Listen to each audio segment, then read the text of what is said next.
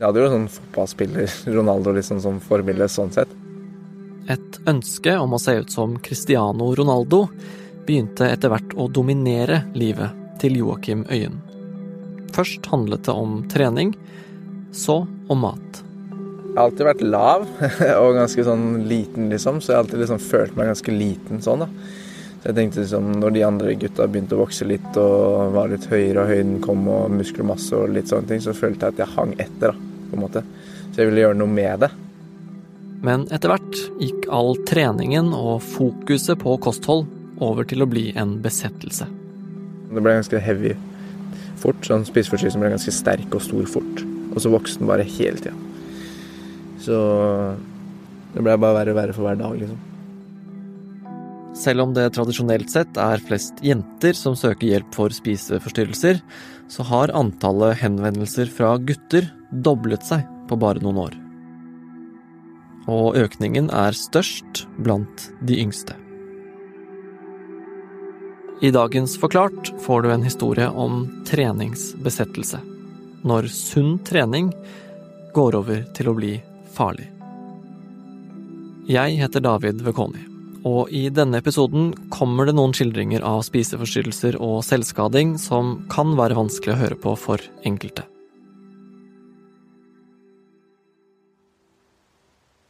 Jeg var jo egentlig ganske sosial av meg. sånn Likte å være med venner og ut og spise mye is, kan jeg si. Eh, og litt sånne ting. Leve litt sånn livet som man gjør når man er ungdom, barn, typ.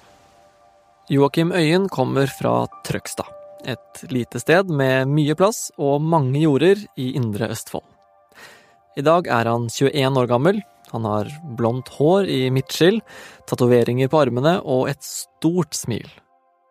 Aftenposten-journalist Thelma Klevan møter ham hjemme hos familien, sammen med hunden Max.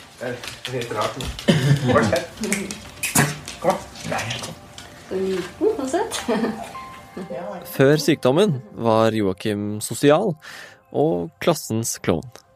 Så jeg var mye aktiv. Spilte fotball, håndball, kjørte cross. Var ute med venner når jeg kunne. Hele dagen, liksom. Så det ble jo mye borte, da. Ja. Etter når det kom. Så da gikk det jo mye over til å være alene, trening. På ungdomsskolen blir han opptatt av hvordan han ser ut, hvor godt han er trent. Treningen blir kjempeviktig. Begynte vel sånn smått og rolig starten av 15-årsalderen, og så begynte det å dra seg på mot konfirmasjonstider. Merka jeg liksom litt at det begynte at jeg var veldig opptatt av trening og litt sånn. Jeg spiste kaker og sånn i konfirmasjonen og mat sånn, men det var treninga som var veldig stort fokus da, da. Og det er en spesiell type kropp som Joakim jobber målrettet for å få. Jeg hadde jo sånn fotballspiller Ronaldo liksom som forbilde sånn sett. Likte jo kroppen hans, og den var bra trent, og samtidig som han kunne spille fotball, så hadde han en bra kropp, liksom. Så det er det største forbildet jeg har hatt, og det har jeg hatt siden egentlig òg. Se for deg fotballikonet Cristiano Ronaldo. Googler du navnet hans pluss body, så får du opp en nesten uoppnåelig kropp. En mann som lever av idrett og trening. Og trening er jo sunt. Leger og helsetopper opplyser stadig vekk om det. Men Ronaldo har et enormt apparat rundt seg, nettopp fordi han er en av verdens største idrettsstjerner. Og det er et vanskelig, nesten umulig ideal å leve opp til for oss andre. Joakim prøver likevel, og han trener oftere og oftere for å få den kroppen han ønsker seg. Det ble to-tre ganger om dagen. Så det ble ganske mange timer sånn totalt. Det ble det. Så jeg hadde ikke så mye tid til annet, men det var jo det jeg på en måte da ville, ikke sant. Og etter hvert begynner foreldrene til Joakim å lure på hva han driver med når han blir borte i lengre perioder. Begynte jo å se på den at han eh, hele tida begynte å vike unna. Var veldig mye på do. Så han trente jo på flisene på do, liksom. Så da begynte vi å følge med lite grann. Og så ville han jo ikke spise så mye. Er så overspiste han, da. Hørte han jo på natta at han var fløy oppe. Men den blir jo en Den blir jo flinke å ljuge. Så det er jo bare at han har vondt i magen, må på do, tisse. Men vi skjønte jo etter hvert at det, når vi så blodflekker og sånt, så han hadde jo sår oppover ryggraden. Så hadde jeg jo en mål nesten hver dag om å ta ish 1000 situps. Så jeg husker etter hvert så hadde jeg jo brenn, brennmerker på ryggen. For jeg tok så mye situps på gulvet og sånn. Så det ble fort en 1000 pluss situps per dag. Det moren til Joakim ikke vet, er at han i løpet av kort tid har utviklet megareksi. En kroppsbildeforstyrrelse som gjør deg ekstremt opptatt av å bygge muskler og å bli større. Så opptatt at det blir sykelig. Megareksi bunner ifølge rådgivning om spiseforstyrrelser ut i lav selvfølelse og egenverdi, og rammer oftest gutter i ung alder. Gutter som Joakim. Han vil ikke høre på foreldrene, som prøver å snakke med ham om treningen. De prøvde jo å konfrontere meg eller si til meg hva som skjer, eller sånn ta det opp, da, men da vil jeg jo ikke snakke. eller sånn, Det er ikke noe gærent, liksom. Man vil jo unngå de situasjonene, så man prøvde jo å skyve det vekk eller bli sinna sånn sett. da, Så man vil alltid unngå de samtalene. Etter hvert går det også over til det som kalles ortoreksi. Joakim blir sykelig opptatt av å spise sunt. Spise rent og riktig.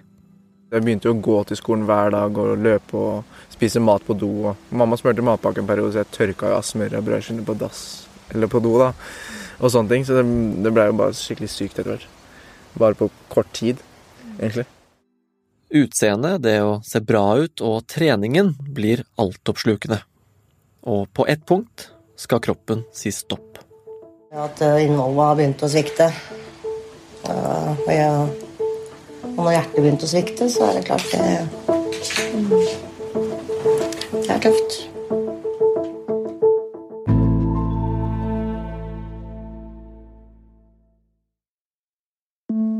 Jeg var veldig redd for fett.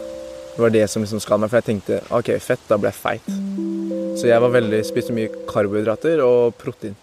Det var det meste jeg spiste. Så jeg, å unngå fett, så var det egg og sånn, så tok jeg alltid ut plommene og sånne ting. Og så hvis det var noe kjøtt som var stekt i smør, så vaska jeg det, eller skylte det i vasken.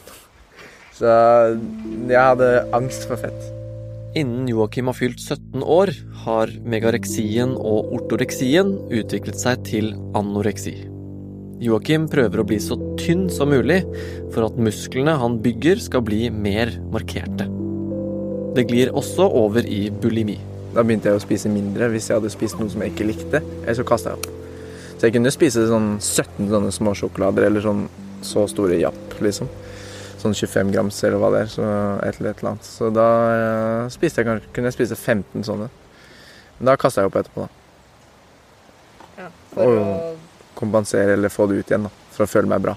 Sammen med is og gikk rett opp igjen. Som regel. Så det var en periode der jeg hadde skikkelig bulimi, så jeg spiste dritmye og alt mulig. Og da, men det gikk bare opp igjen, liksom.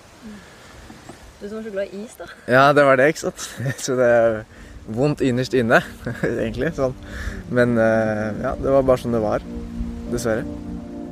Hverdagen er en karusell av spiseforstyrrelser. Tankene i hodet blir mørkere og mørkere. Og selv om vi kanskje ikke hører så mange historier som Joakim sin til vanlig, er han ikke den eneste. Rådgivning om spiseforstyrrelser, også kalt ROS, er en forening som tilbyr veiledning for alle som er berørt av problemer rundt mat og kropp. De ser en stor økning i folk som søker hjelp. I løpet av de siste to årene har antallet henvendelser om gutter som sliter med spiseforstyrrelser, doblet seg. Det totale antallet henvendelser, både fra jenter og gutter, har også økt i den samme perioden. Joakim og foreldrene oppsøker hjelp, og Joakim blir lagt inn på ungdomspsykiatrisk avdeling. Og skrevet ut når han er bedre. Men når han er hjemme, blir sykdommen verre igjen. En del av ham ønsker å bli frisk, men sykdommen stritter imot. Etter flere runder med innleggelser er Joakim så syk at kroppen hans slutter å fungere. Jeg var ganske lav på energi, og kroppen er jo i sparebluss når den er i kaloriunderskudd. Og i hvert fall når den er så lavt, da, så bruker jo kroppen mye energi på, på organer og hjerte og sånn. ikke sant? Så da Det er derfor ofte man fryser, kanskje, når man er veldig lav vekt. Fordi kroppen gidder ikke å bruke energi på å holde deg varm. Fordi den bruker energi på organer og det som er viktig som for å holde kroppen og gående, da. Så jeg frøs jo om natta alt. Så jeg brukte mye tjukke klær og pledd og sokker og alt sånt. I starten så så det ut som han blei redd, men eh, når de er såpass nedkjørte og sjuke, så får de et sånt slør over øya. De har ikke noe følelser, liksom. De ser nesten døde ut. Og etter hvert får heller ikke de viktige organene energien de må ha. Da hadde han jo nettopp vært skrevet ut. Hun hadde vært hjemme noen uker før da. Og da sa jeg bare at dette går ikke. Det er håpløst. Og da ble vi sendt bort på legegreiene, og så tok vi hjertegreier og puls, og da var alt helt Alt slo ut. Og, så da ble vi inn på akutten på hjertegreiene der, og så la han inn Tok hjertegreier der, og da peip det som bare rakkeren. Monitoren som overvåker om hjertet slår for svakt eller for sakte, piper i ett sett. Etter flere år med kamp mot sykdommen, så er det nå eller aldri. Skal Joakim overleve dette, må noe skje. Mens Joakim ligger på akutten, klarer de rundt ham å skaffe en plass på en privat klinikk for anoreksipasienter. Det er siste mulighet, liksom. Eller sånn Her må det jobbes, da. For jeg måtte liksom virkelig ha initiativ på egen hånd til å jobbe, og ville 100 eh, Så var vel der jeg gjorde Det er der jeg la ned mest jobb, og det var mest vanskelig òg, egentlig. Fordi da jobba jeg mest, rett og slett. Sånn når jeg var på det sykeste. Jeg var jo på det sykeste. Så det var jo vanskeligst da. I starten jeg kom inn, så kunne jeg ikke gå i trappa engang. Såpass dårlig var jeg. Så jeg måtte ha behandler, eller sånn, Vi hadde jo samtaler. samtaler eller Behandleren min måtte komme opp til meg og prate, for jeg ikke kunne gå. Så jeg fikk så vidt lov til å gå ned trapper og sånn. Kunne jeg ikke i starten. Nå er Joakim på sitt sykeste. Og det er her den vanskeligste biten begynner. Kampen for å komme tilbake til sitt gamle, sosiale og morsomme selv. Det å bare skulle legge vekk treningen er lettere sagt enn gjort. Plutselig så kan du sitte, sitte i sofaen, og så får du trang til å trene, så kan du bare sitte og finne på nye metoder å trene på i mengder med folk og sånne ting. da. Joakim finner trening i alle mulige aktiviteter, og av og til klarer han ikke å dy seg. Når han egentlig skal hvile, sitter han i fellesområdet og trener i skjul. Uten at noen ser hva han driver med. Ja, det er syke, syke ting man kommer på. Litt etter litt lærer Joakim seg å spise mat igjen. Personalet lar ham ikke gå fra bordet før maten er spist opp. Joakim skjuler at han kaster opp, men etter hvert blir det faktisk bedre. Han går opp i vekt. Liksom når jeg begynte å jobbe mot tankene, det er jo det at man må bare gjøre det tankene sier du ikke skal gjøre, eller det du ikke skal gjøre. liksom. Du gjør det motsatte da, av det spiseforstyrrelsen sier. Så må man bare stå i det. Man må bare ta den kampen. Selv om det føles jævlig, så in the end så er det det som funker. Rett og slett. Da begynte ting å falle på plass. Du kjente jo at ting ble bedre, du følte deg bedre, energien kom. Du var mer i glede og sånne ting. Det gjorde du jo. Samtidig som det var litt dritt, men på den siste gangen så var det bare good, egentlig. Da var jeg bare happy. Selv om det var fortsatt hard jobbing, og det er jo alltid den siste delen som er ganske verst. Eh, Men du følte begge gangene, og når jeg gikk opp i vekt Jeg har jo gått mye opp og ned, så det, jeg følte meg mye bedre når jeg gikk opp i vekt. Det gjorde jeg. Både hode og kropp. Og da Joakim blir skrevet ut sommeren etter, ser han på seg selv som 80% frisk. Moren Yvonne ser også en endring. Da husker jeg vi var ute og gikk tur og skulle ut og spise, og da lo han for første gang på lenge. En stor høydare den dagen. Den dagen du husker godt. Den husker jeg godt. Hvordan var det å høre, høre den latteren igjen? Det er uh, lykke i hjertet til mor.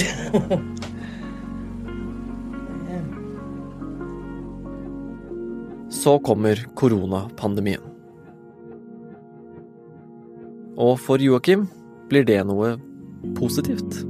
Da så kom korona, så tenkte jeg sånn Nei, shit, skal vi bare sette inn siste støt, liksom? Hvor gærent kan det gå? Begynte å spise mer fett. mat, is, sånne ting. Begynte å komme mer normal mat. Og da liksom, følte jeg meg good. Det var ikke noe, jeg fikk ikke noe vondt eller dårlig følelse av det. Så da bare kjører vi på. Holder det gående nå, liksom. Gjorde jeg det fra mars og ut året, så kan jeg si at jeg var 100 frisk, da. I dag er treningen blitt noe annet. Det er terapi. Så lenge det ikke blir for mye.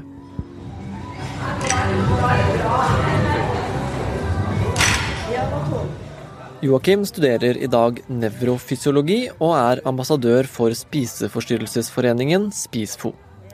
Der bruker han sine erfaringer til å hjelpe andre. Og han jobber som personlig trener. En jobb hvor han hele tiden må balansere og passe på at treningen ikke tipper over i noe usunt igjen. Det er bra. Er du noen gang redd for å få at du skal få tilbakefall? Nei, for jeg, jeg er ganske sikker på at det ikke skjer, rett og slett. Hva er det som gjør at du er føler deg sikker på det, da? Fordi jeg vet hvor dritt det er å stå i den møkka. Eh, så jeg føler liksom sånn Det skal mye til at jeg skal bake dit, liksom. Jeg har vært gjennom såpass mye og tunge greier at eh, Jeg vil ikke unne meg det selv igjen, eller de rundt, liksom. Jeg er ganske klar på den. At eh, det er ikke noe som plager meg lenger. Men selv om Joakim er sikker på at han ikke vil tilbake dit han var, så er prosessen fremover fortsatt lang. Nei, det er vel innimellom når jeg kan spørre om han skal ha noe middag. Så må han liksom bare Nei, det skal ikke han ha. For det er liksom, Hvis de har lagd noe gryte med fløte eller noe sånt, nå, så kan jeg se at han er eh, ikke så veldig happy, liksom. Men da lager han seg sin egen mat. Da går det kyllingfilet. Men han er flinkere til å smake. Det er For før så ville han jo ikke smake engang. Så Så en prosess, en lang prosess, selv etter man har kommet ut av behandling. Å ja. Det er mange år etterpå.